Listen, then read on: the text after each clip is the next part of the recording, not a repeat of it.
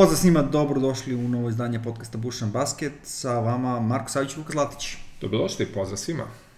Nova nedelja za nama, e, novih brdo informacija koje nisu pozitivne su za nama, pa ćemo polako da počnemo da ih prelazimo. Bilo informacije koje nisu pozitivne, a jesu pozitivne, tako da... Tako je, upravo to. Da, ali do, ok, doćemo do njih vremenom. Ajde se bacimo na uh, pregled lige, odnosno utakmica. Prošli podcast smo imali onu foru sa Duotom Joševićem i Jasonom Tatumom i izgleda Brad Stevens stvarno forsira tu varijantu da Bosna završava utakmicu poslednjim napadom za pobedu. E, pritom ne mislim na gepekovanje, mislim ne, na... mislim na gepekovanje, ne, ne baš na igrača koji šutira poslednje sekundi. Ovog puta je Dula Rošić tati korodila plodom, Jason Tatum je košao u poslednjoj sekundi, ok, 4 sekunde pre kraja, dono Bosnu pobedom od pisnosima 122-120, a Jalen Brown, čiju si ofanzivnu ove, sklonost e, i talent hvalio, odlučio da pokaže da imaš prava o tome što govoriš i šutirao je 8 od 8 za 2, 5 od 8 za 3 poena i dao 31 poen u toj utakmici. Prozivali smo Wizardse, aj prozivat ćemo ih i dalje da će biti jedan od, od bottom 5 ekipa lige, ali su pobedili Brooklyn Netse, zahvaljujući pre svega Thomasu Bryantu, koji je imao 21 poen, 14 e, skokova, i zakucavanje imao za konačni rezultat što je 123-122. Posle tog zakucavanja Nesi su imali napad za pobedu, promašali su šuteve i Karije i KD i upravo je Thomas Bryant uhvatio tu poslednju loptu da se utakmica završi. Uh, Rasi i Bradley bili double-doublovi, Kyrie KD double-doublovi, znači standardna priča. Da, vratio bi se korak nazad na, na, na Boston i Detroit. Mm Ovaj, mislim, sve se odvijalo onako kako smo ti i ja pričali, ovaj, baš taj dan jel, o svemu tome, kako, kako njih dvojica i u kom formatu najbolje deluju na terenu. I ovaj, ako se ego tu ne ispreči, bit će ubitačan tandem, nema šta. Ili ovaj, karantin. Ili karantin, dobro, daj sad, to, to, to je kratkoročno, tako da, da nije strašno. Da, da. Mislim o dugoročnim planovima. Najveći je fazon što se sve to dešava sa, na terenu zajedno sa Tyson i Tristanom Thompsonom, koji su ovako, pa, ha, malo beskorisni u napadu. Pa čak i sa tim hendikepom njih dvojica sasvim solidno deluju zajedno.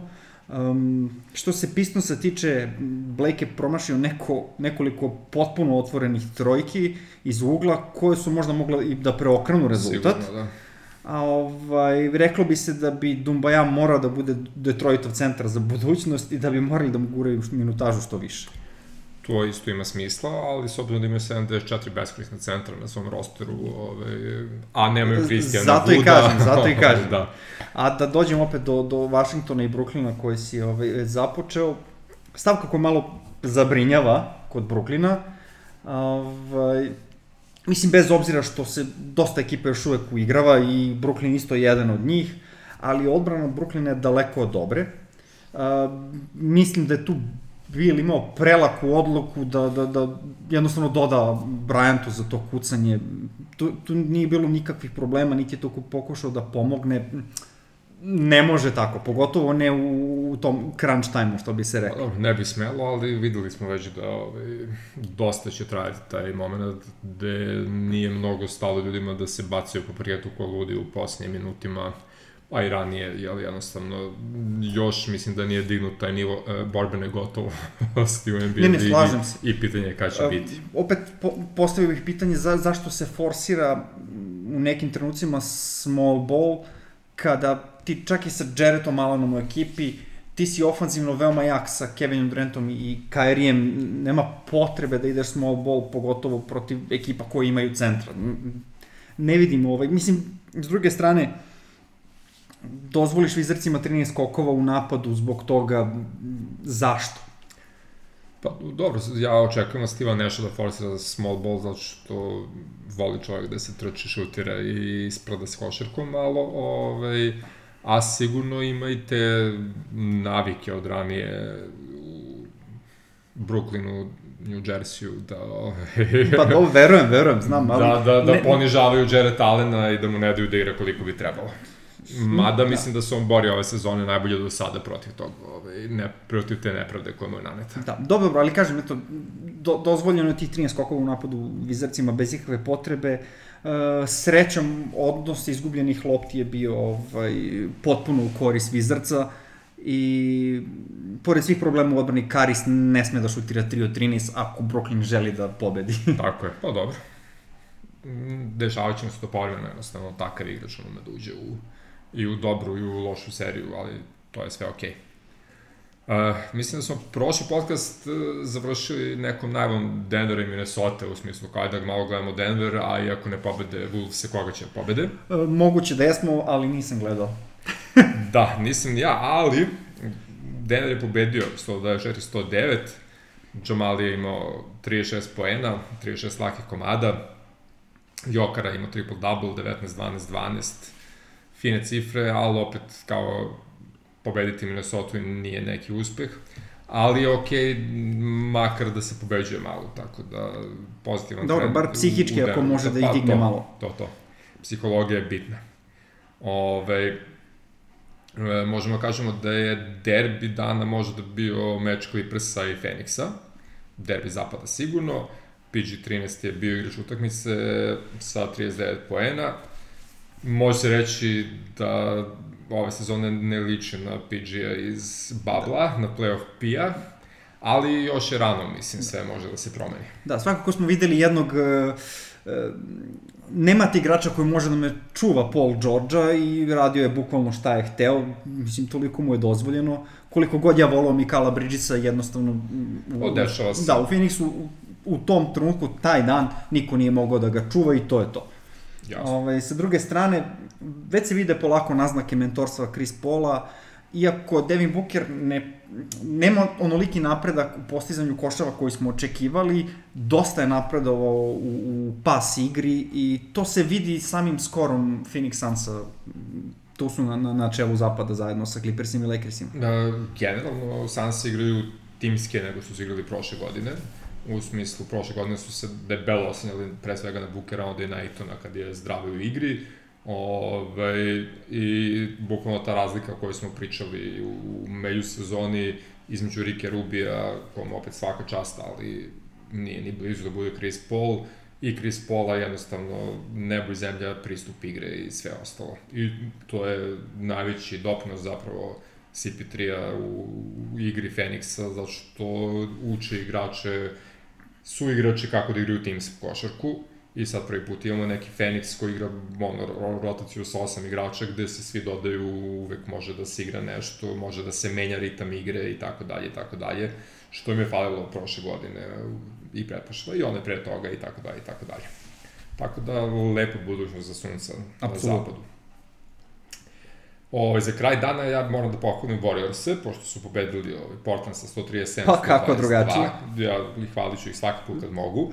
Ovaj, Za, Bla, za Blazers je najbolji igrao Enes Kanter sa 24-12 i on je jedini od ostalih igrača, da kažem, od, od pratećeg orkestra pratio CJ i Dejma. Ove, sa druge strane, kod Warriorsa može reći da su svi imali dobre role. Bajzan imao 12-11, Ubre i Wiggins su dali po 21 poen i sve to kao super, ali pobedu je doneo apsolutno Steph Curry koji je šutirao 18-31 iz igre i oborio svoj lični rekord u broju poena na utakmici sa 62 poena. Ove, takođe, prvi igrač posle Kobija 2005. koji je postigao po 30 poena u svakom polovremenu, po 31 ovog puta. Tako da svaka čast Stefu koji ono, vidi se da njegov MVP kalibar igre kad mora da igra sam, vrlo lako dolazi do izražaja, treba da mu je dve, tri utakmice malo da skine rđu sa sebe i to je to. Dobro, vi, vi, stvarno ne znam ko je mogao da sumnja u, u Karija. U Stefa, pa... A, a mnogi jesu. A mnogi, a mnogi jesu. jesu. Da. Um, ova njegova istorijska partija možda čudnija zbog e, broja slobodnih bacanja. On je na toj utakmici šutirao 19 puta slobodna bacanja, od toga je pogodio 18, jer dobro, svi znamo da je dobar šuter. A nije inače igrač koji ovaj, dolazi toliko puta na liniju i ne pokušava uopšte da ulazi u kontakt i tako nešto, pogotovo od prošle sezone posle Bainsa i tako. da. ovaj, tako da zbog toga u suštini najviše čudna ova njegova partnija, a ne zbog ti 60 pojena. 60 pojena u suštini možda i nešto što očekujemo od njega, bar jednom u toku sezone, jel? Bar jednom, pa to ima smisla. A interesantna statistika pre ove utakmice je bila da je Kelly Oubre imao procenat za 3 poena od čitavih 4% u tom trenutku. 4%. 4% za 3 poena. Ono, bukvalno, ti i ja da smo igrali, pa bi, pa bi možda, možda, ovaj... To, to je sad diskutabilno. Ali, ali ono kao, mogli bi da se koljemo za tu poziciju. Ali sigurno znaš, bismo kao- par puta ono ostali sami kad već Koliko- igramo mislim- sa Stefanom i to. ja ne želim da kažem da je upravo loš igrač, ali koliko ga neće, to je strašno. ga ne ide, slažem se. Ali bit će to bolje, vremenom, valjda. Ok, dan dva, uh, gomila blowouta i laganih povoda fa- favorizovanih ekipa i to je nešto, ti silni blowouti koje gledamo ove sezone su nešto što generalno nervira ove, ljude preko bare, odnosno NBA novinare koji kukaju kako je prerano je počela sezona, vidi se da su im teške noge i tako dalje i tako dalje, pa ja, ja se ne služem mnogo, mislim, i prošle sezone smo gledali sud rezultate, 300 postignutih poena i ubedljive pobede svih prvo dva meseca dok neko ne počne da igra ozbiljno. Mislim, nije to Ali- ništa novo, to, to Normalno, postoji od uvek, samo je nekad, nekad to traje duže, nekad kraće. Da, ali- vidjet ćemo koliko će trajati. Meni je to okej, svakako što ima više blowouta, to imamo manje utakmice na koje treba da se fokusiramo, što je možda okej.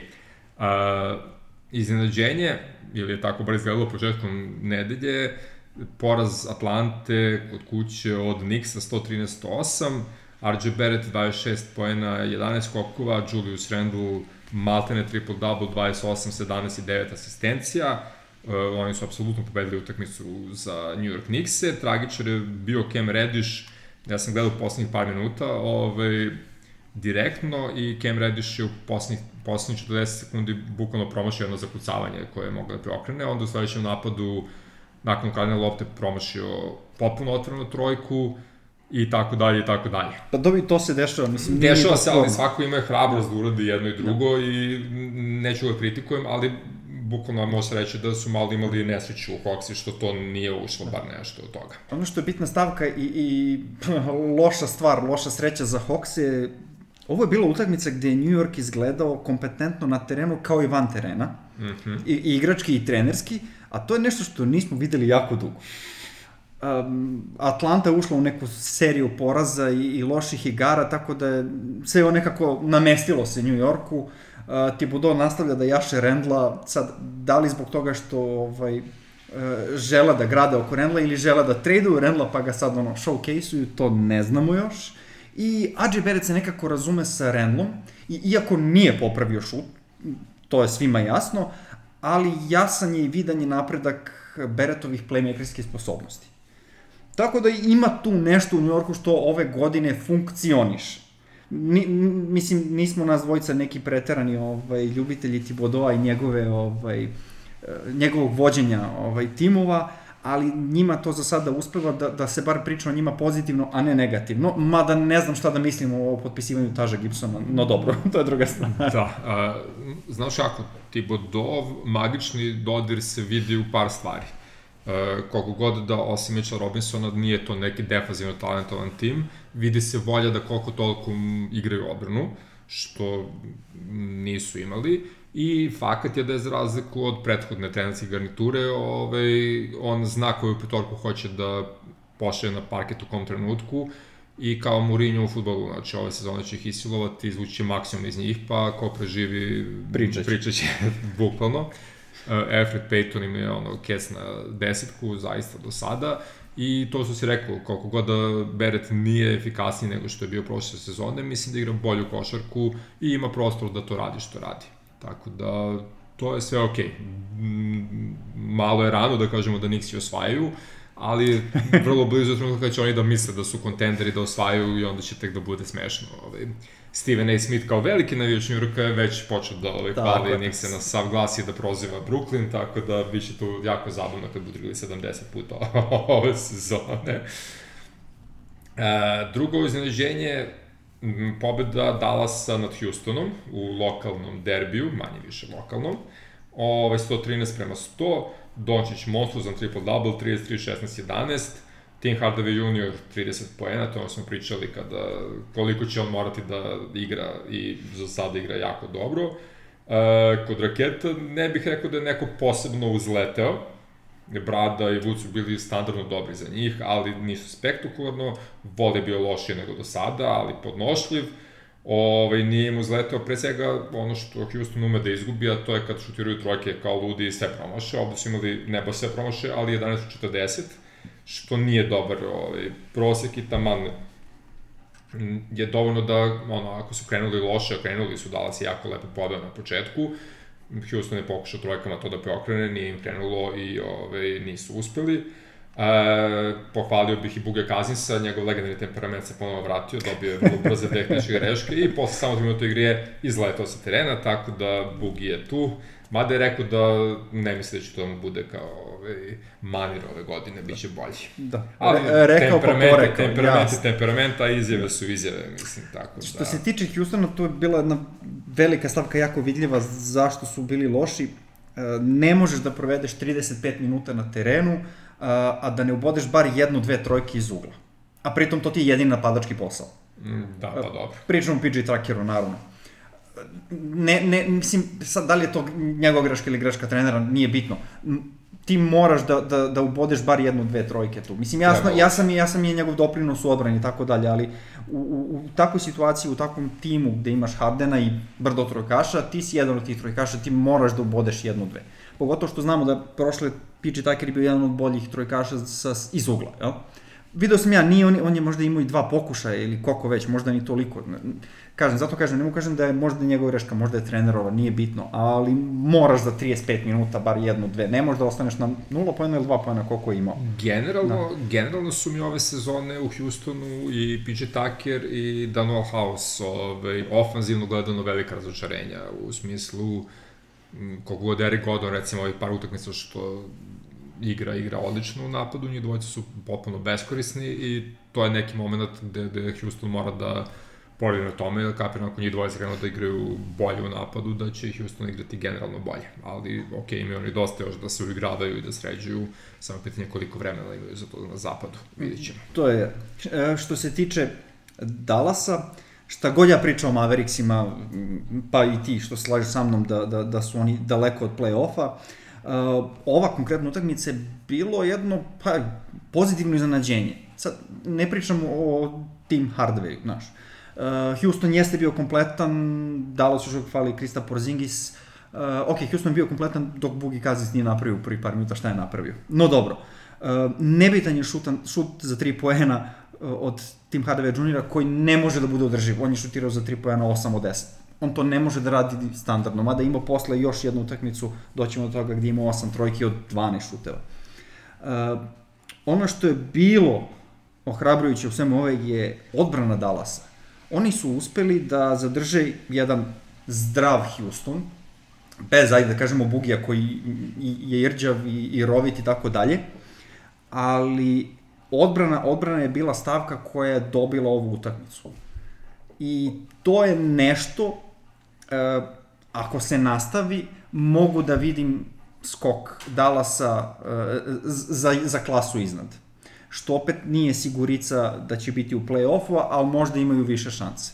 I dalje mislim da, da nisu u play-offu još uvek, Vidjet ćemo kakav će se Kristaps vratiti, u kom svojstvu i sa koliko minuta. Sad imaju problema i sa Josh Richardsonom koji ove, isto ima ovaj COVID protokoliranje kao i gomila još igrača. Na to ne možemo da učemo, to će se dešavati ove sezone, pa, kako njima, tako i ostalima. Jeste, ali znaš, ako neko ko ti je, ono, treba ti bude drugi, treći igrač kada Kristaps nije tu, već ulazi te probleme, a generalno si na granici, ovaj, to može bude problematično sledećih nedelju dve dana, tako da vidjet ćemo. I, I pitanje za to drugi, treći igrač, trenutno je Tim Hardaway Jr. mnogo bolji od, od Josha Richardsona. Nije ni blizu. Tako, možda ne defanzivno, ali ofanzivno jeste.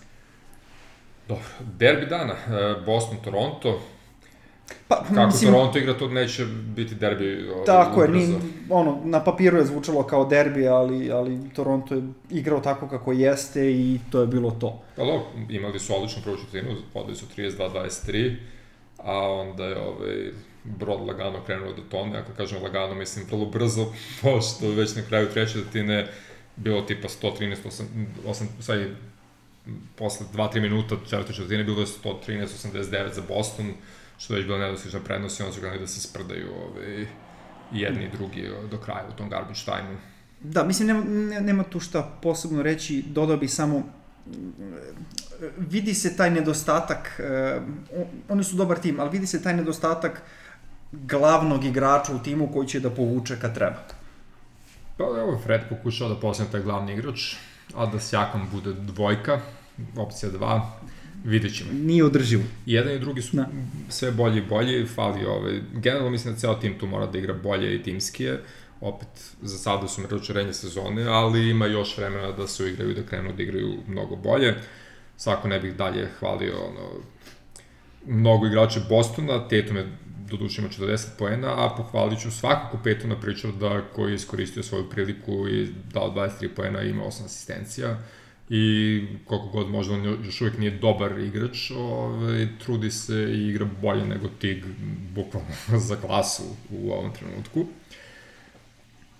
I ovaj, kao i u pregledu prethodnog dana, iskoristit ću priliku pokladnim Golden State Warriors, koji su pobedili Sacramento 137-106, a kad kažem pobedili, mislim pregazili, i pohvalio bi Stefa koji nije odmarao dan nakon 62 poena, nego je imao 39-8 stat, stat line, a mogu i više da je morao da igra u četvrtoj četvrtini kao što nije morao, tako da bravo Stef, MVP sezona u povoju. Dan treći, a, saznali smo da KD ne igra nekoliko utakmica zbog COVID tracinga ili trackinga, kako god, što je onako zanimljivo, s obzirom da bi trebalo da je KD preležao koronu pre mesec, dva, ali, Kad već, da. ali ajde, nek budemo sigurni. Ovaj, Brooklyn je krenuo sa nadljudskih 70% šuta u prvoj četvrtini, Utah Jazz nije imala nikakvog, ovaj, nikakve snage da tu nešto preokrene, plus što niko od njih u tom trenutku nije mogo ništa da obode, znači Donovan Mitchell je nastavio da bude loš u šutu, a Conley je došao na nivo ispod njega i to je manje više bilo to. Kyrie i Jared Allen su sabili za 130-96 na kraju. Da, ono što je ohrabrujuće da je ovo potencijalno početak breakout godine za Jared Allena, što zbog neigranja KD-a, što zbog činjenice da se vidi da su noge Deandre Jordana teške.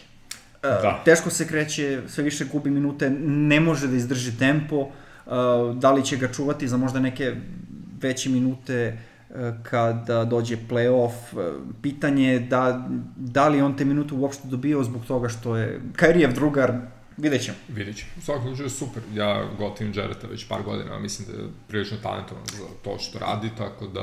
I lajcima je jasno da je bolji igrač od Deandrea Jordana trenutno. Samo što nije brat sa, sa, ulice, brat. To je moj sjali, možda su se sprijateljili među vremenu, tako da je sve to okej.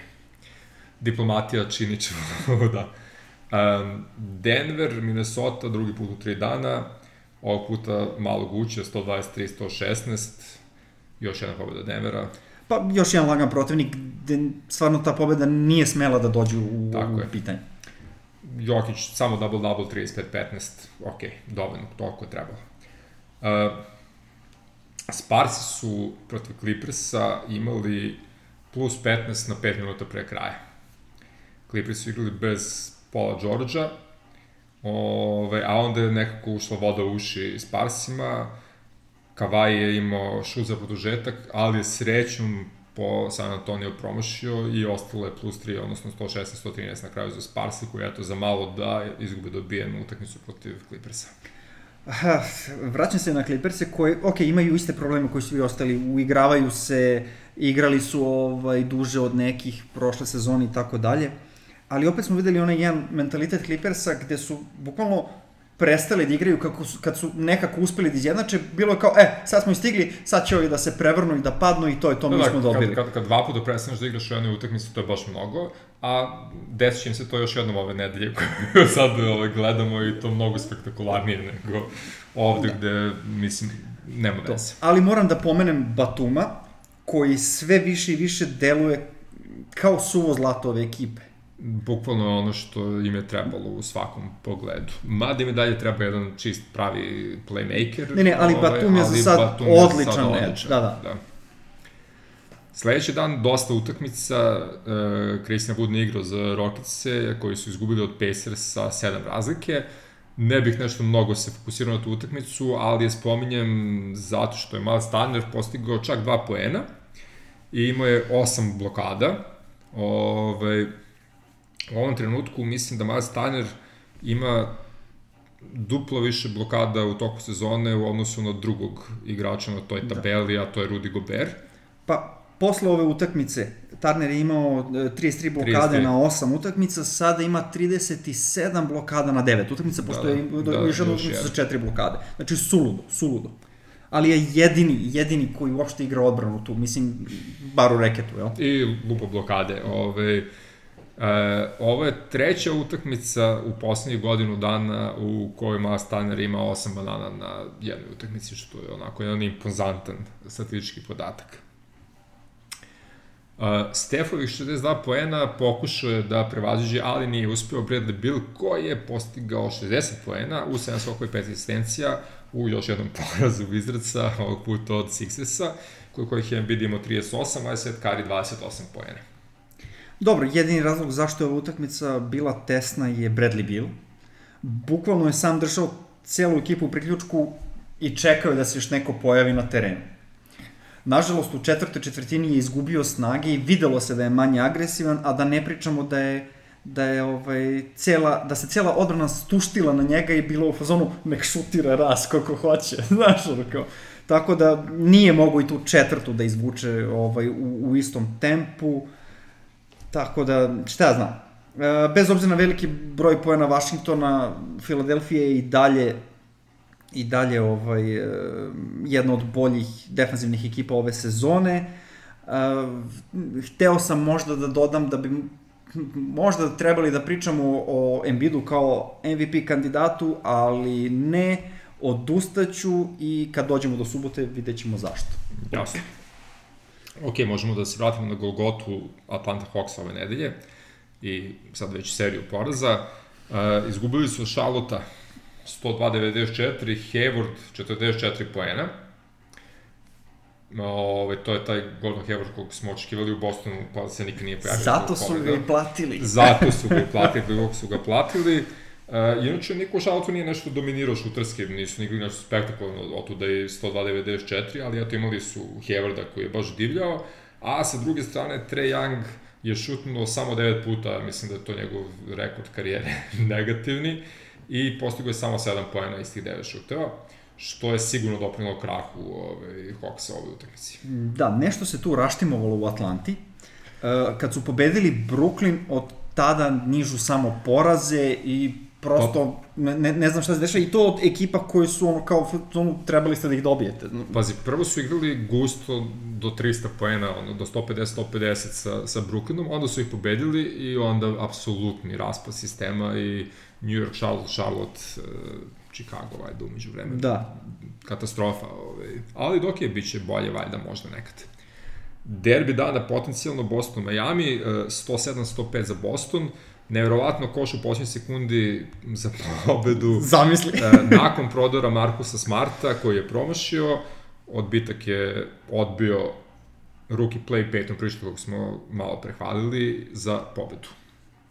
E, Već dolazimo u situaciju da kažemo za Jelena da je imao standardno veče, a kad pogledaš de- detaljnije, to standardno veče je 20 plus pojena, 10 plus skokova, a vidi ubacio i pet asistencija, odakle se sad one stvorile, znaš? Da, pa dobro. Dobro, malo je priča. problematično što Boston ima pa faktičko dva prava skorera u Tatumu i, i, i Brownu. Mm, Kemba je treći, ali on ne igra već neko vreme i ko zna kada će igrati. Uh, ponek, ponekad se pojavi Smart kao treći, ali nije konstantan, pogotovo u efikasnosti. Očekivaće se dosta od mlađe ekipe da igra na nivou veterana. Peyton priča da eto tu je kao neko ko, ko opravdava tu ulogu trenutno, čak je izbacio Tiga iz postave više manje.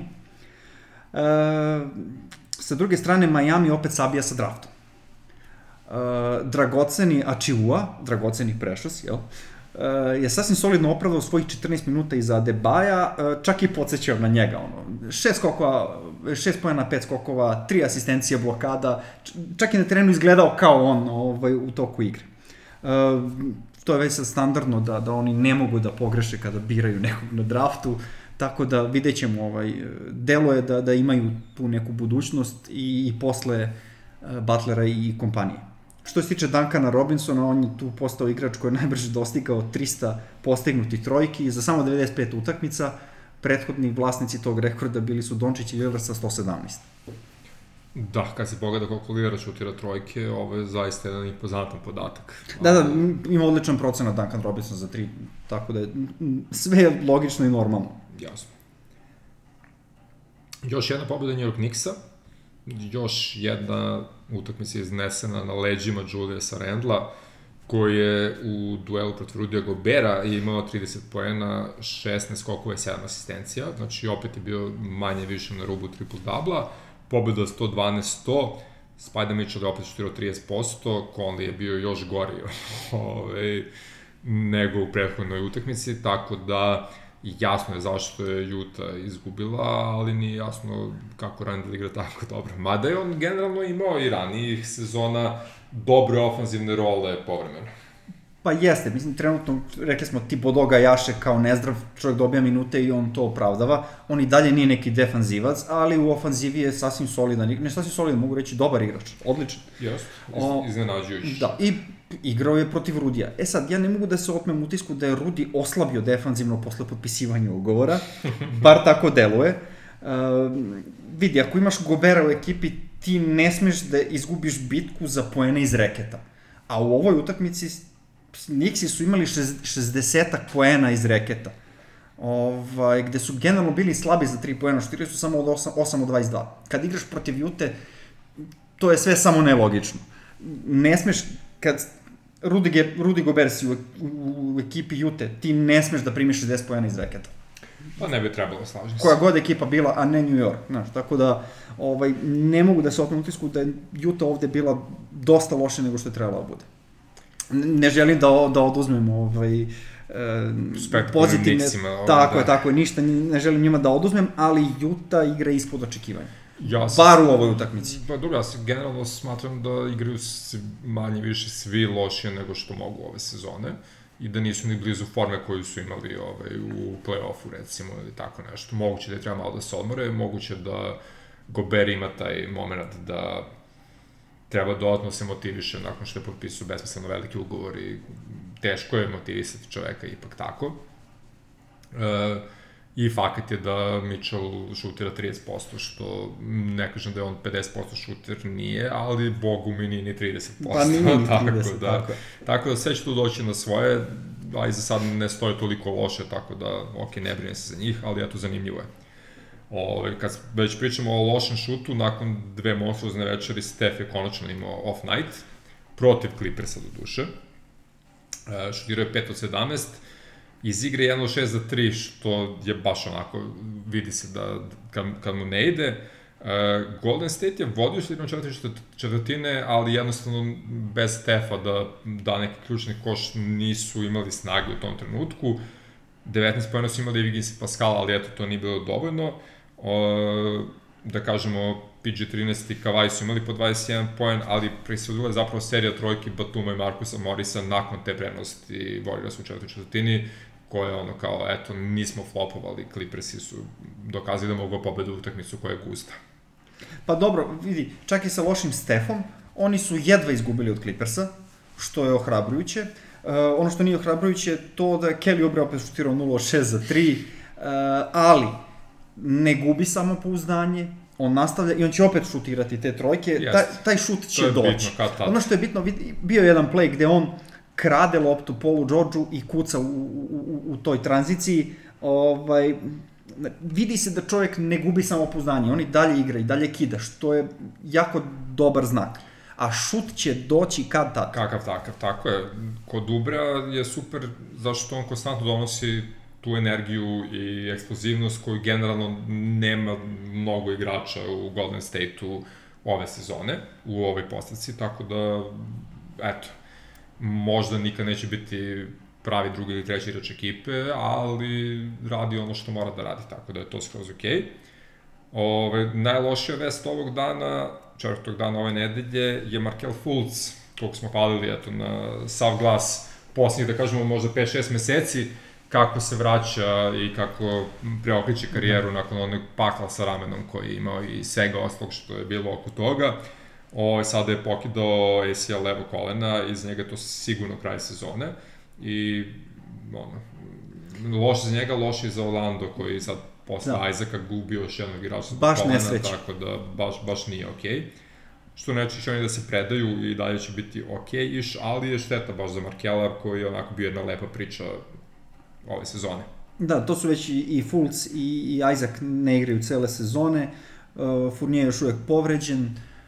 Vidjet ćemo šta će svega toga da bude. Na istoku su, nis, Da, nije da. sve izgubljeno, ali, ali baš, baš velika nesreća i videlo se da, da napredu dečko dosta, ali džaba sve sad. Vidjet ćemo kako će ići dalje. Uh, sledeći dan, Netsi bez karija KD-a i Spencera Dinvidija ove, pobedili su do tada najbolju ekipu Lige Sixers sa 122-109. Kari se dominirao sa 22-7 i 10. Ove, to je to, to se očekuje od Karisa Leverta kad uh, ostatak ekipe ne igra. Joe Harris ga je pratio super sa 28 poena.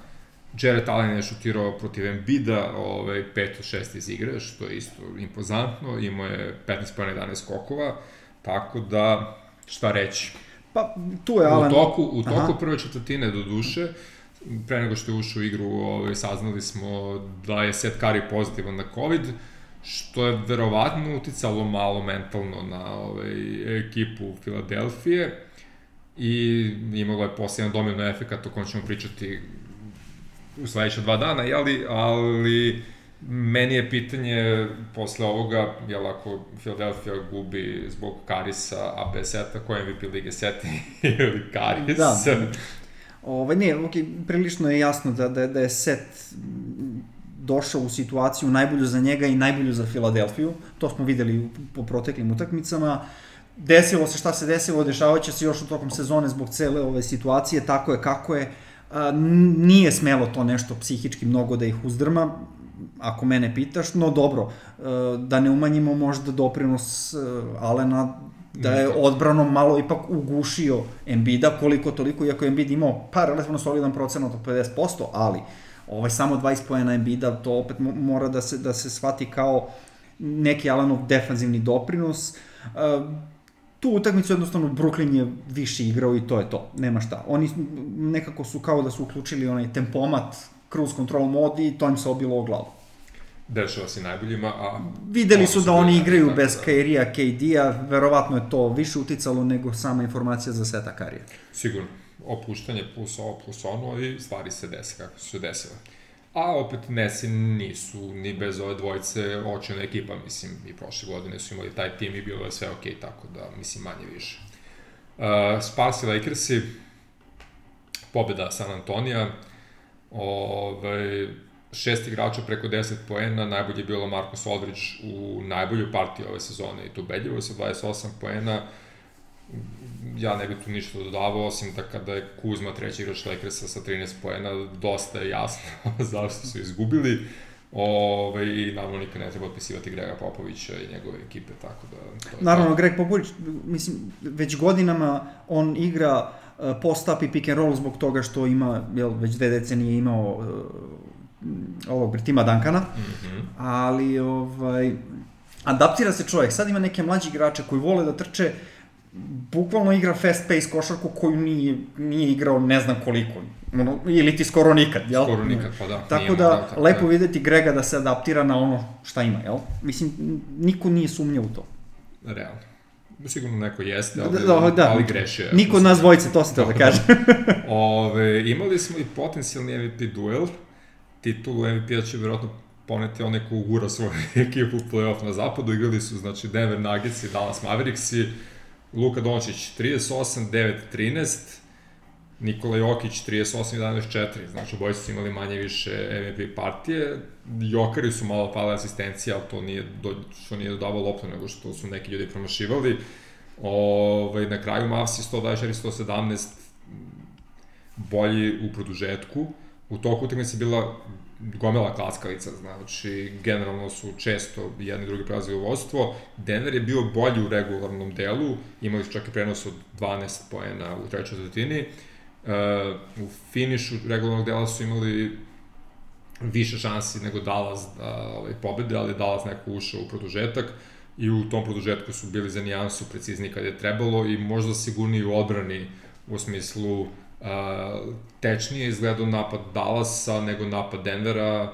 Uh, više su se trudili igrači Dallasa u odbrani i jednostavno u produžetku mislim da mora da se igra odbrana ako hoće da pobediš neko. Pa mislim, i ovde smo videli uh, dva različita poluvremena Denvera što se tiče odbrane. Prvo poluvreme nije toliko loše delovalo odbrambeno, ali je to nekako sve kolabiralo u trećoj četvrti četvrtini, gde je Dallas bukvalno izdivljao sa preko 30 pojena u obe četvrtine, pa, pa i u produžetku isto. Znači, odbrana je jednostavno nestala, Um, Pustili su Maksija Klebera da da tri vezane trojke, recimo, u četvrtoj četvrtini, tako da sve je to jasno.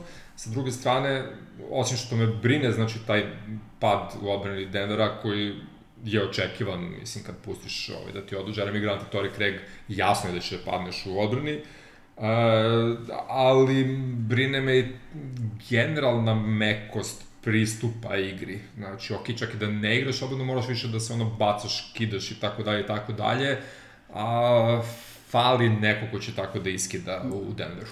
Možda znaju nešto što mi ne znamo, pa je za njih ovo sve kao ah, lagano ćemo. Lagano ćemo, da. I ipak, kad bi promenili trenera, sigurno bi bilo lagano i sa ovim timom, ali bože moj.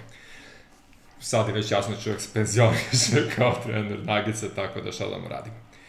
No, idemo na sledeći dan, to je noć između petka i subote, šest dan naše nedelje, naše NBA nedelje, i imali smo prvi duel braće Bol u istoriji mnogih duela braće Bol. Uh, Lonzo prilično flopovo u utakmicima 5 pojena, 2 skoka, 3 asistencije, a Lamelo je bio na domak triple dubla sa 12 pojena, 10 skokova i 9 asistencija, znači malo asistencija. Da, I to za samo 25 minuta. Samo za 25 5 minuta i pobeda za žalu 118-110 najbolji igrači u ekipama svako su bili Hayward i Zion sa svaki sa svoje strane sa po 25 poena ili 26. Ove, ovaj, malo je napadočki, odnosno šuterski podbacio Brandon Ingram, koji ima jedno od onih svojih off nights kad mu baš ne ide šut i to je verovatno donelo dosta doprinelo pobedi Šaluta. S druge strane, primetno je da dobri šuteri nešto loše šutiraju proti Šaluta u poslednje vreme. Možda ih oni se zapravo ne igraju baš katastrofalnu odbranu, nego nešto ipak ono, pokušavaju da odbrane ponekad. Da, sad već dolazimo u situaciju Hornici kidaju. Na... Pa, Dobre, ja, okay. finale isto kao Charlotte New York. ne znam kako još nije jasno da to, to ide to, to. odavde, tako o, da... Ovaj, ne, u pravu si, stvarno, stvarno nas je Charlotte prijatno iznenadio kako igra. Ne, ne samo po rezultatima, nego i kad ih gledaš na terenu, to liči na nešto, za pa razliku, košarku, da. da, da, za razliku od proteklih godina. Uh, što si rekao prilično jasno koji brat je ovde pobedio, u ovoj utakmici svakako, ne samo Ingram, više se očekivalo i od Lonzoa i od Blecoa, svi su oni tu podbacili, tako da sve očekivano, kako se završilo, loše, jedno loše večer New Orleansa, Charlotte je to fino iskoristio i to je to. E, kad smo već pohvalili ovaj potencijalnog finalistu istoka Nikse, oni su dokazali da su i dalje Niksi, izgubili su od OKC-a 101-89, znači nisu dali 90 pojena protiv Tandera, što, ok, umorni su od serije iznenađujućih pobeda, ni sami nisu znali šta ih je snašlo i naravno da su ovaj, kad tada da izgube. E, niko iz New Yorka nije prošao 20 pojena, čak ni Randall, ali sa druge strane, posle utakmice i dalje ima 5-4 i da je to stvarno najbolji start koji su mogli da ovaj, da im je neko, očekuju. Da im je neko rekao, evo vam 5-4 za start, bili bi presrećni. Ne? Realno, čak i Steven A. Smith, šta god vam priča danas ovaj, ili ovih dana. U potencijalnom derbiju, uh, Utah Jazz konačno dobra partija protiv Milwaukee Bucks sa 131-118. Ovaj, svaku četvrtinu su dobili za po par poena i na kraju se to sabralo do finalnog rezultata. Pritom, Janis je imao 35-8, Middleton je imao 31-10, znači dali su sve od sebe, nije da su se predavali, ali Juta je nekako bila bolja. Spider Mitchell, kao što rekao, nije 50% šuter, ali ovog dana je bio 50% šuter, tako da je imao 32-5-7. Uh, generalno ga ispratio svako koga se to moglo očekivati, i Clarkson, i Bojan Bogdanović, i Conley, pa čak i Royce O'Neal, koji inače u poslednjem četiri utakmice mislim da daje samo trojke, ne daje uopšte za dva poena. Uh, Ovde je dao šest trojki, što je dobar procenat u timskih 25, a tih 25 trojki je franchise rekord uh, koji je Utah ikada jeli imala. I zanimljivo, ono što se desilo kao možda trebalo bi da bude otežavajući faktor je lakša povreda Joe Inglesa koji je osetio bol u desnoj Ahilovoj pa je pauzirao utakmicu i tako je prekinut najduži aktivni niz određenih utakmica koji ima neki igrač aktivni NBA. Uh, Inglesov niz je počeo 6. decembra 2015 traje 384 utakmice regularne sezone i 418 utakmice ako se računa i playoff, što je onako svaka čast za Iron Joe-a, Jinglesa. o, I ovo je bila prva utakmica koju Spida Mitchell igra u dresu Jute, a da nema Inglesa pored sebe na parketu. Da. Čak je sam izjavio posle utakmice kao wow, nisam ni kapirao koliko je Ingles koristan u nekim stvarima, dok sad nisam vidio da nema ko da radi to da, da. što on radi. E, dobro, svi znamo koliko je ovaj, Joe Ingles bitan za tim, bar zbog tih nekih malih stvari koje nisu vidljivi ni statistikom, ni, ni golim okom i tako dalje. E, spomenuo si taj rekord franšize, ti 25 trojki i to na samo 53 pokušaja, što je odličan procenat. Taj procenat nije održiv, naravno, pogotovo ne za YouTube. Možda čak nije ni ponovljivo, moli održiv. tako je, tako u suštini taj procenat za tri je ono što im izvuklo ovu utakmicu, yes. opet su bili slabi u odbrani, ono što sam već pričao i, i dalje nisam zadovoljan kako oni igraju odbranu. Pa vidi, ako moraju da igraju na 130 pojena da ih pobedili, to neće baš dugo trajati, ali ok, bitno su da su dobili ovaj, važnu Pobeda se piše pa se piše, to ništa sporno. Kupili su malo vremena i jedan plusić na tabeli, mislim, to je okej. Okay. Uh, Memphis Grizzlies, ovaj, i pored svih problema s povredama, a kad to kažem, mislim na Jamoranta i Triple J-a, ovaj, ne odustaju i još uvek ne tankuju. Pobedili su ni manje ni više nego Brooklyn Nets 115-110. Uh, nosili su i Dylan Brooks, koji inače igra odlično od kako se Morant povredio, i Brandon Clark koji igra loša ove sezone, ali evo sad posljednje dve utakmice lično onog Brandona Clarka koji ima dobre role sa klupe prošle godine. Uh, pokvarili su sjajnu predstavu Karisa Leverta koji, eto, drugi put za redom sabija kada nema nikoga osim njega, ima 43 poena, 5 skokova, 6 asistencija, bio je znači i Kairi i Durant u istom čoveku, ali to nije bilo dovoljno. Pa nije bilo dovoljno, jednostavno je Memphis bio bolja ekipa tog dana i mislim džabe, džabe ta cela ovaj, igra Karisa Leverta tog dana, iako je delovao stvarno nestvarno i nezaustavljivo kao što Kairi deluje kao što inače. deluje, da. Ali to je jednostavno to. Desilo se šta se desilo, e, odbrana i dalje tu problem i bez Kairija i KD-a to je opet loše delovalo u odbrani najviše i tu je verovatno glavna stavka zašto su oni tu izgubili. Sigurno. Mnogo, mnogo igrača je u Memphisu imalo dvocifreni broj poena, za, za, za takvu ekipu to ne sme da se dešava. Kairi je inače propustio drugu vezanu utakmicu iz ličnih razloga. Prvi put čak ekipa nije ni znala tačno koji su razlozi u smislu tek nije se javljao. Nije se javio kao. Sad je, kaže, popričao sa Steveom Nashom, on kaže da ekipa poštuje i razume njegove razloge.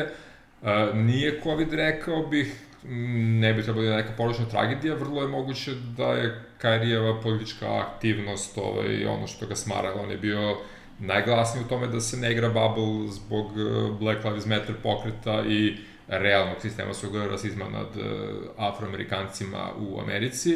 Uh, sad je, osim ovog stormovanja kapitola od strane Trumpovih pristalica, u isto vreme onako malo sa strane prošla i ona činjenica da policajci koji su učinili čoveka bogaljem nisu ovaj, kaženi, mada je to dosta na pipova priča, ne bih ja uzeo svojim mišljenjem Da, ali je sigurno jedna od stavke koja je odvela Kairija sa terena. Ali to mi lično nešto da bi Kairi kao jedan aktivan, politički aktivan čovek sa statusom mogao da ispizdi i da kaže da neće da igra, mislim, tako da ja ga tu donekle razumem, mislim, imajući vidu kakav je lik koji su mu stavovi, meni je to popuno legitimno i okej okay sa njegove da, strane. Vidjet ćemo, za, da, ni, ni za večera se još ne zna da li igra ili ne.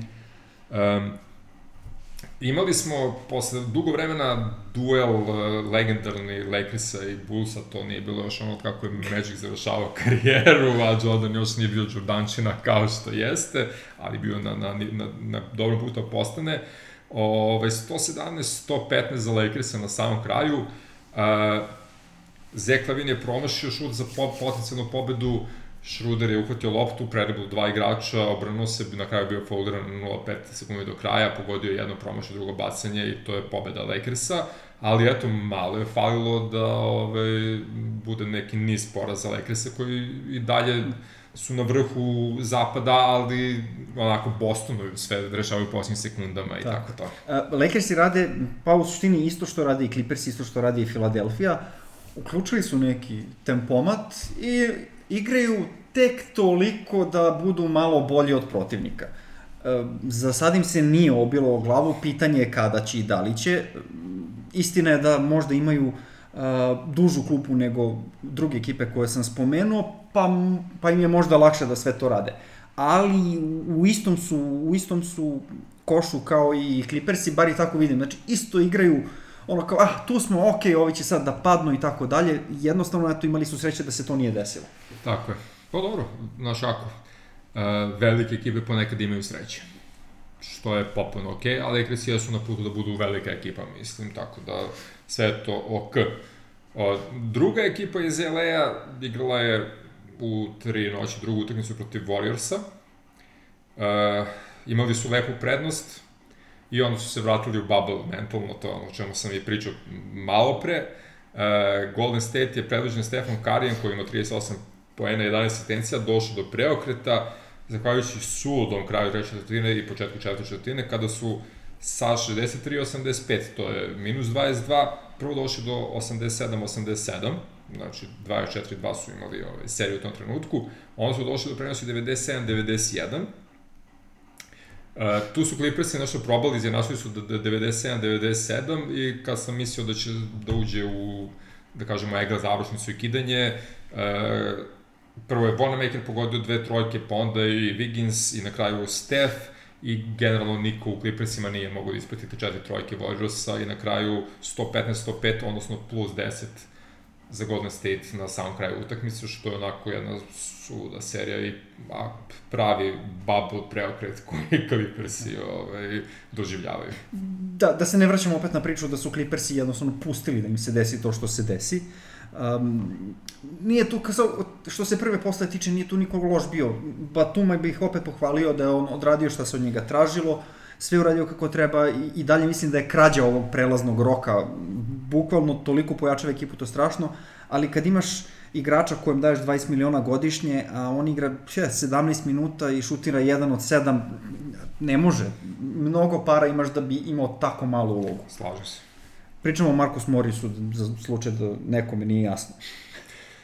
Da, računaj da pola da. tih para nije njegovo, tako da nije motivisan da, da, da. zaradi. Kao, ne može igra za dvojicu stalno. Ove, a šalo na stranu, opet moramo pohvaliti Warriorse koji se nisu predavali i iskoristili su šansu koja im je pružena, ali eto brine što su Clippersi posle dobrog starta doživjeli jedan klačan bubble poraz i trebalo bi dosta da razmisle Vidi, kako i dalje su, da, dešava. I dalje su oni na vrhu tabele, sa, ja. tu su odmah do, do Lakersa i Sansa. Bili su i prošle godine da. u vrhu tabele, tako da, ali, nije to... Okay. lagano. Uh, poslednji dan, poslednje veče, uh, Lamelo Ball ponovo pokušao da dođe do triple-dubla, Charlotte ponovo pokušao da pobedi Atlanta Hawkse i jedno i drugo se dešava ovog puta. 113-105 Hawksi su pobeđeni, Lamelo je dominirao, ima 22, 12, 11, uz 9 od 13 iz igre, znači što je igrao ono što, što inače radi, uh, imao je dobar šut i postoje najmlađi igrač u istoriji NBA lige sa posjednutim triple-double. Tako je, ovaj, preuzeo je rekord svog burazera koji je preuzeo rekord od Lebrona Jamesa. E, ne vidim ništa sporno i dalje mislim da Charlotte ne koristi Lamela dovoljno kako treba i dalje previše minuta daju ovaj, Grahamu i Terry Rozieru, ali ajde da vidimo, možda znaju nešto što mi ne znamo, očigledno da funkcioniše za sad. Scary Terry je ovog puta bar bio dobar sa 23 poena, što mu se nije baš dešavalo poslednjih par utakmica, a konačno videli jednog PJ Washingtona od prošle sezone, postigao 22 poena, generalno je PJ koristan u odbrani i u skoku, ali evo, ofanzivno mi nekako kašljuca ove godine. Pa, izostanak Kodija Zelera pomaže u tome da, da, da PJ Washington dobije više minuta, pogotovo na centru, tako da ne vidim, ne vidim razlog zašto se to ne bi desilo. Tako je. Uh, Atlanta definitivno u krizi uh, i bukvalno samo DeAndre Hunter liči na ozbiljnog košakaša od one druge, odnosno od one druge utakmice sa Brooklynom i pobede nad Necima. Uh, Trae Young je šutirao 5 od 19 iz igre, niko se tu nije ono, proslavio, ni Kapela, ni Collins, Bogdan igrao samo 10 minuta, sad je na povredu članka koji ima došla i povreda kolena, što ima, vjerojatno ima veze sa kompenzovanjem i tako dalje, i tako dalje, rovitim igranjem i tako to. Ovi, što je s jedne strane dokaz nevjerni toma, pošto su mnogi kukali kako vjerojatno ima nekih problema sa ovaj, trenerom, pošto ljudi nisu hteli da veruju da mu je stvarno došlo do povrede ovaj, zgloba kad je presedeo veći deo utakmice na klupi pre tri utakmice ja sad se dokazuje da tu ipak ima nečega, ali je fakt da nešto u Atlanti ne funkcioniše kao što smo očekivali i posle jako lepog starta Hawksi su ono sad ekipa sredine tabele, vidit ćemo kako će to da napreduje. Rano još, na istoku su, ima vremena, ali definitivno su na nizbredici. E, kao što si rekao, Tim Hardaway junior 8-12 za trojke ili tako nešto, za 36 poena. E, Trey Burke 29 poena, 7 od 8 za 3, 11-13 iz igre i naravno Luka Dončić triple-double 20-11-10 za pobedu Dallasa, otpisanog Dallasa nad Orlandom koji je, eto sad već malo sakat, od 112-98 generalno bitna pobeda za Dallas, to mogu da budu ekipe sličnog kvaliteta i ako pobediš Orlando, znači da je to okej okay da napreduješ. Mada treba imati u vidu da jedni drugi imaju gomilu problema sa, sa povredama i da je pitanje kako će igrati do kraja sezone. E, da, gomila problema sa povredama na obe strane. E, još jedna odlična, još jedno odlično defanzivno izdanje Dallasa, što sam već spomenuo. E, I naravno, o, ne, nestvaran procenat za tri poena, dok sa druge strane, recimo, Terence Ross nije mogo vola da ubode, uh, ni Aaron Gordon, ali Aaron Gordon je poznat da ne može vola da ubode, da, pa nije... Da, ovo je bila jedna uobičajeno loša šutreska utakmica za Arona Gordona, u smislu kakvih on ima gomilu, a Terence da. Ross koji je generalno da. možda i ne računajući Vučevića koji je ono klasa za sebe u toj ekipi, Terence Ross mi je najbolji igrač Orlando ove sezone. U, da. u smislu kao šesti čovjek radi Tako sve što je... A i najbolji je trojka šteki. I najbolje ubedljivo trojka šteki. Koji nije ni jednu pogodio ovoga puta i uopšte ispod 20% je cela ekipa šutirala za 3, tako da oček, mislim očekivana lagana pobeda Dallasa iako možda, možda ne bi trebalo. Da Dallas ima malo sreće u poslednje vreme, ali to je isto okej okay, sreća prati. Ni naravno, bre. Da, svaka čast. Sreće im treba dok se ne vrati Krista Porzingis. Da. Uh, derbi dana, da kažemo Phoenix, Indiana, 125-117 za Sanse. E, da kažemo da su Sanse predvodili tandem Devin Booker očekivano 25, a drugi igrač Michael Bridges koji je dao 34 poena. Znači, pored svega što radi obrane i sitnih stvari koje donosi na teren, ovo mu je treća rata utakmica već ove sezone gde je jako dobar u napadu i to je ono, most improved player za sada, Michael Bridges, iako nastavi tako, velika stvar za Phoenix imati jednog takvog Bridgesa. Pa da, sad, sad već dolazimo u situaciju, ne znam da sam to rekao već, ali dolazimo u situaciju gde možemo da kažemo da nije sramota izgubiti od Phoenixa. Ja mislim da si rekao, ali... Ja sam, ali, ja sam, okay ja se da izvinjavam. Ali, okej okay da kažeš ali, još jednom, da. Ali stvarno je tako, timski su mnogo bolji, iako i Ejton i, i Booker nemaju uh, bolje sezone nego prošle godine. Da. Bar statistički. Ali, ali ceo tim ima, tako da je to okej. Okay. Uh, sa druge strane, u Indijani standardno odličan Brogdon koji igra odlično ove sezone, 22-69 mu je ta linijica, i Domantas koji je MVP ekipe, ima 28 pojena, 22 skoka. Da, mislim, koliko god ja uh, ne voleo TJ Vorana kao igrača, on njima fali ovde kao glavnu nišansku spravu, jel? Uh, Domantas je imao fascinantnih 22 skoka ovde i 28 poena, on nastavlja da dominira preko očekivanja ove sezone, Brogdona si već spomenuo, jednostavno naleteli su na, na bolje raspoloženi Phoenix i nisu mogli ništa povodom toga, bez obzira na odličnu defanzivnu partiju Milesa Tarnera, pa čak i ofanzivno je bio odličan kao što inače nije. Da. Ali okej, okay. mislim, zaista pravi derbi i zaslužena i teška pobeda za Phoenix. Ono što smo najavljivali kao derbi dana i meč koji smo preporučivali da se najviše gleda ove nedelje, a i počelo je u subotu 21 čas i koji minut po našem vremenu, uh, Philadelphia, Denver. I ovaj... Da. Bukvalno se do ono, 3 sata pred početak meča nije znalo da će uopšte se igra sa obzirom na sve što se desilo. S obzirom na seta karija. sa obzirom na seta karija, tako je.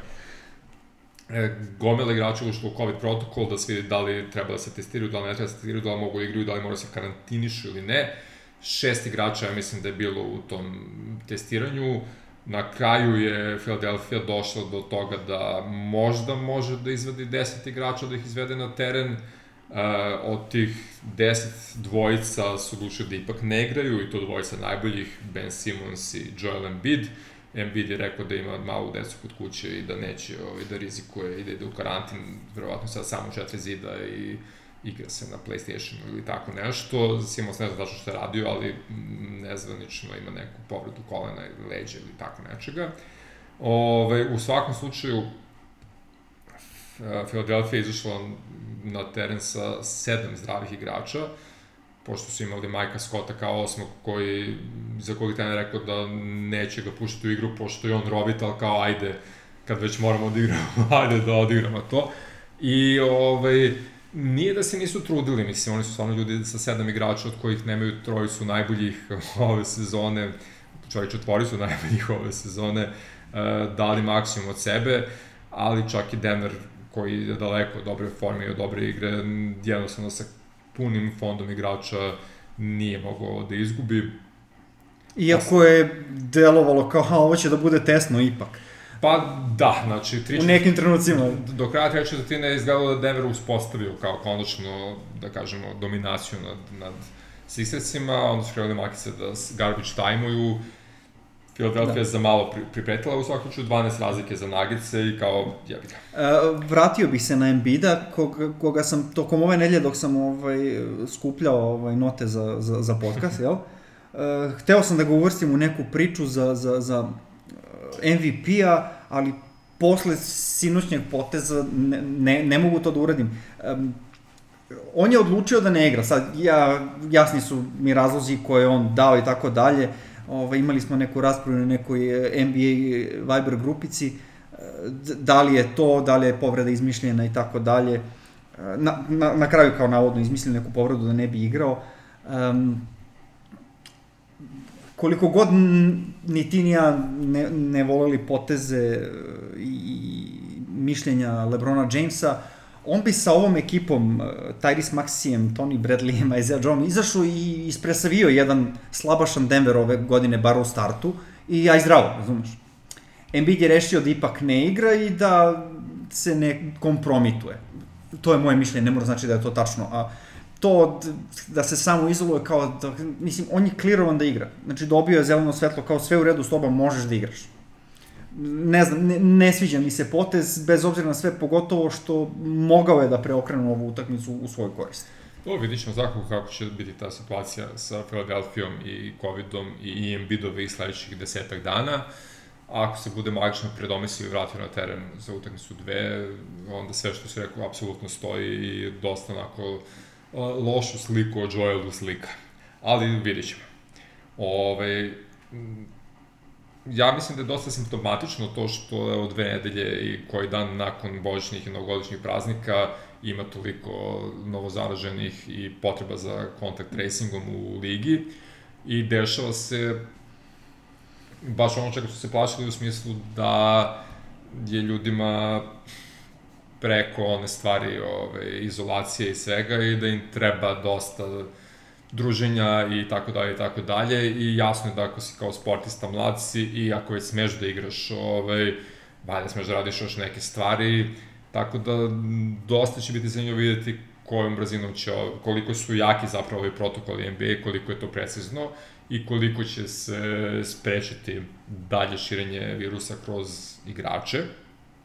E, dobra stvar generalno je što najbolji igrači ove, odlučuju kao ako su možda bili po znakom pitanju da se izoluju sad ok, Embiid manje više, Simons, ali recimo Jason Tatum i Bradley Bill su dvojica igrača koji su, kao da kažemo, nosioci neka lica svojih franšiza, koji su rekli, ok, kao bili smo blizu jedan drugom, e, desilo se to i to, iz, samo izolacija 10 do 14 dana, pa ćemo vidjeti kako dalje ide.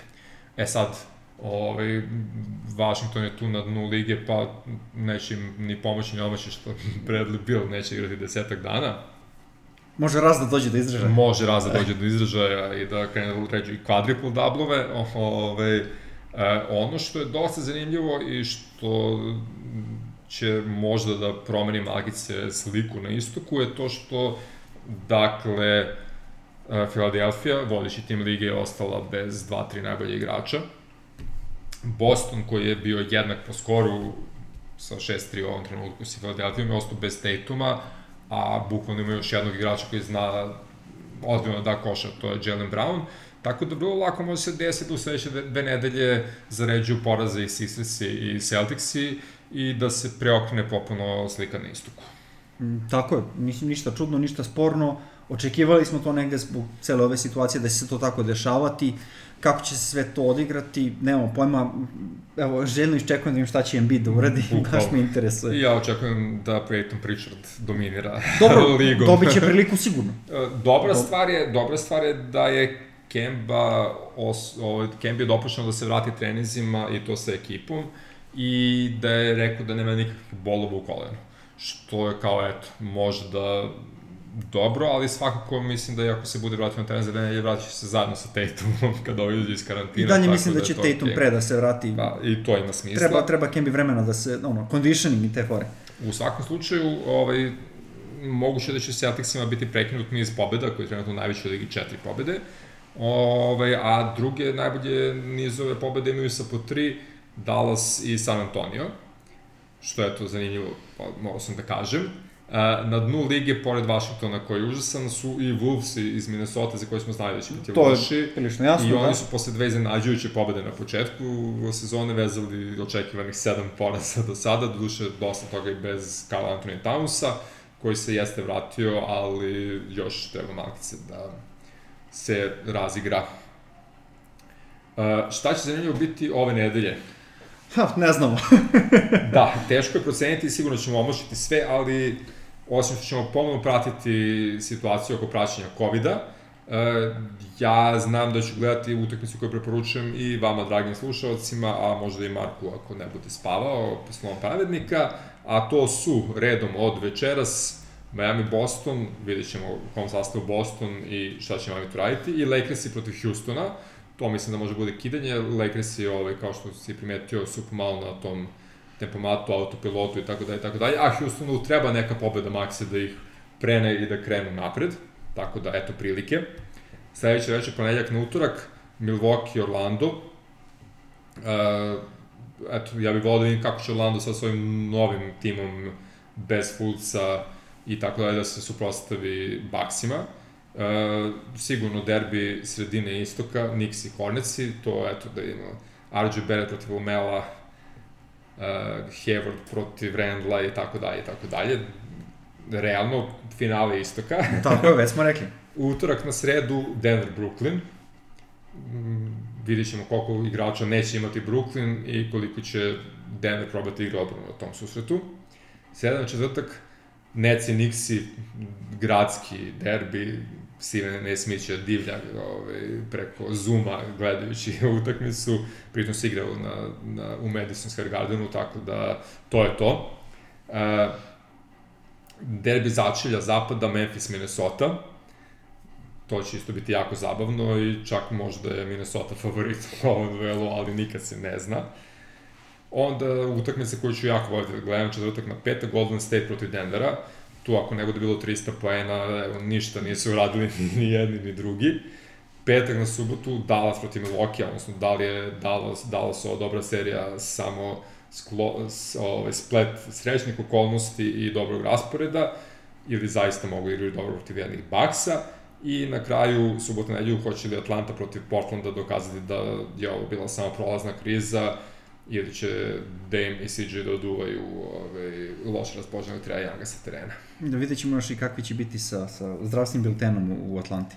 I to je isto istina. Ali eto, to, to, to su stvari koje mene zanimaju i koje ću vrlo rado pratiti sledeće nedelje. Jasno. Morat ću da te snimim, da ne moram da te cijam svaki čas, ali pozdravi naše drugari, kao što ti ja, najbolje znaš. Ja se slažem da napravimo neki intro i outro, ovaj, to će biti mnogo lakše, ali dok to ne uradimo ovako iskreno jedan pozdrav za ekipu iz ostatka sveta, uh, momci koji prate pre svega ekipu igrača sa ovih prostora, ali i sve ostale NBA vesti, kako na svom blogiću, tako i na fejsu. Uh, I pozdrav za podcast RS, najbolju domaću platformu za podcaste, gde možete naći sve epizode našeg podcasta i uživati u njima.